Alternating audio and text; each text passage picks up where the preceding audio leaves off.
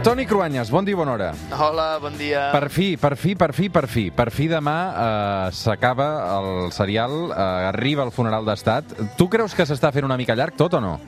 Home, aquest cerimonial tan british eh, ens està donant moltes imatges solemnes del, de, de la prèvia al funeral d'Elisabet II. Clar, això televisivament és molt agraït. Sí, el que passa és que aquí el dubte és si n'estem fent un gra massa o, o no, perquè realment les imatges i la importància del personatge, però clar, és que fa 10 dies que el passegen, no? Sí, sí, no, estic totalment d'acord. Jo crec que se n'està fent un gra massa i, i jo crec que aquesta setmana eh, ha estat sobrera, no? És a dir, un dia mor la reina, molt bé, sí, és una notícia, el funeral d'estat de demà, eh, multitud de líders mundials, molt bé també, però la resta, jo, jo crec que els telenotícies ens hem contingut una mica, però en general tots els programes no s'hi han pogut resistir, no? La, la fanfàrria, la solemnitat, la tafaneria, que si el fill de la reina porta tal uniforme, si la Camila, si l'altre fill, la Meg Markle i el i el Harry... A veure, hi ha coses més importants al món, no, no voldria ser demagog, però és així. Tenim una crisi de preus, d'abastiment de productes, tenim una guerra que s'està tornant a intensificar a Ucraïna. Doncs eh, avui, eh, malgrat tot això que ens expliques, eh, tornarem a parlar de la reina d'Anglaterra, però ho farem, ho farem d'una altra manera, perquè eh, mirarem també el seu llegat i un concepte que va associat a ella, que és el colonialisme.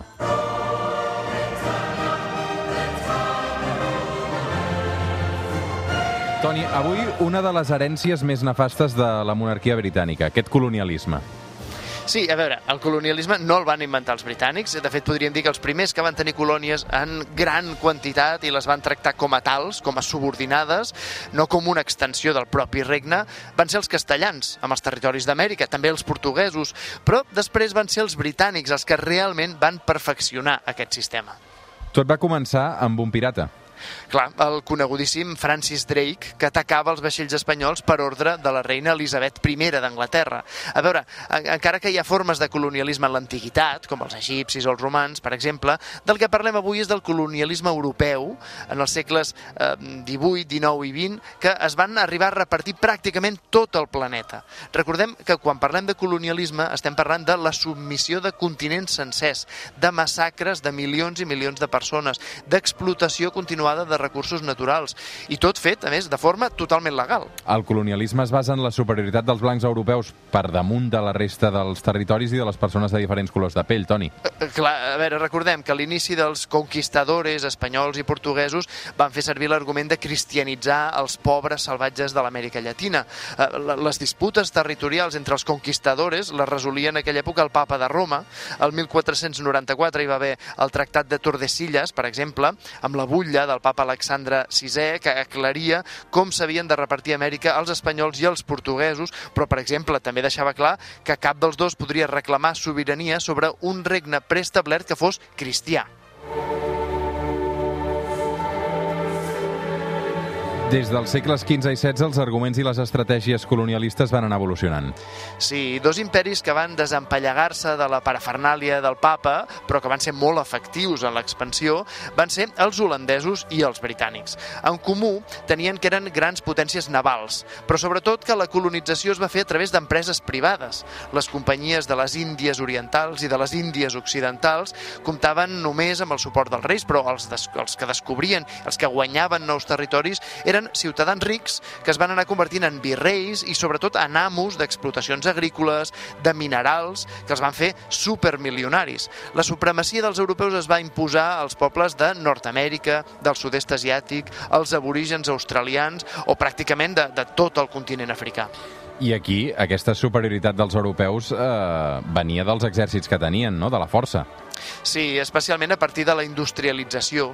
Les armes europees eren molt superiors a les dels pobles indígenes i aquí és on les massacres i l'explotació són encara més cruels, més sofisticades. El tràfic d'esclaus és potser el pecat més gran del colonialisme, però un altre, menys conegut, és el desplaçament de milions i milions de persones a conveniència de la potència europea que necessitava mà d'obra. I així hi ha, per exemple, indis eh, que els britànics van desplaçar per força a Sud-àfrica, per exemple, o, o pakistanesos i libanesos a Amèrica del Sud. Les potències colonials tractaven la gent i els territoris seguint el seu caprici imperialista. Aquestes decisions, sense tenir en compte la població local, van arribar a incloure l'intercanvi de territoris per, per capricis europeus, com, com el sucre o el te, o espècies més luxoses pròpies del segle XVIII. Un, un cas molt conegut és que en una disputa entre holandesos i britànics en una illa d'Austràlia per l'explotació de nou moscada, a veure, nou moscada, recordem, per què fem servir la nou moscada? Per fer beixamel, no? O, o sí, coses sí. així, és a dir, no estem parlant de coses de vida o mort, el sucre, el te, la nou moscada, ja em diràs. Doncs hi havia una illa a Austràlia que volien la seva nou moscada per poder-la utilitzar els holandesos i com que valoraven tant les espècies van intercanviar aquella illa que tenien els britànics per una altra a l'altra punta del món, Amèrica, en concret l'antiga Nova Amsterdam, que ja en mans britàniques va passar a dir-se Nova York, New York. Sigui, els holandesos van canviar Nova York per, per una illa australiana? Per una illa australiana que l'únic que tenia eren arbres amb nou moscada, sí.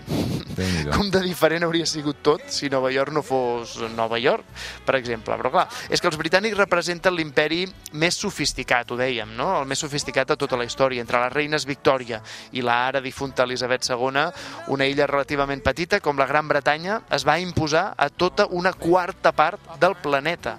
Pocs països fora d'Europa se li van resistir, però fins i tot aquells que no es van sotmetre els van forçar a entrar en la seva xarxa de comerç. La Xina, per exemple, que ja era un imperi equivalent als europeus en aquella època, però sense les armes industrials, va cedir després de les anomenades guerres de l'opi. L'enclavament de Hong Kong és l'únic territori que la Xina va cedir als britànics. I territoris així n'hi ha encara a tot el món, des de les Malvines, les Falklands, que anomenen a l'Argentina, fins a Gibraltar. Como los bolos de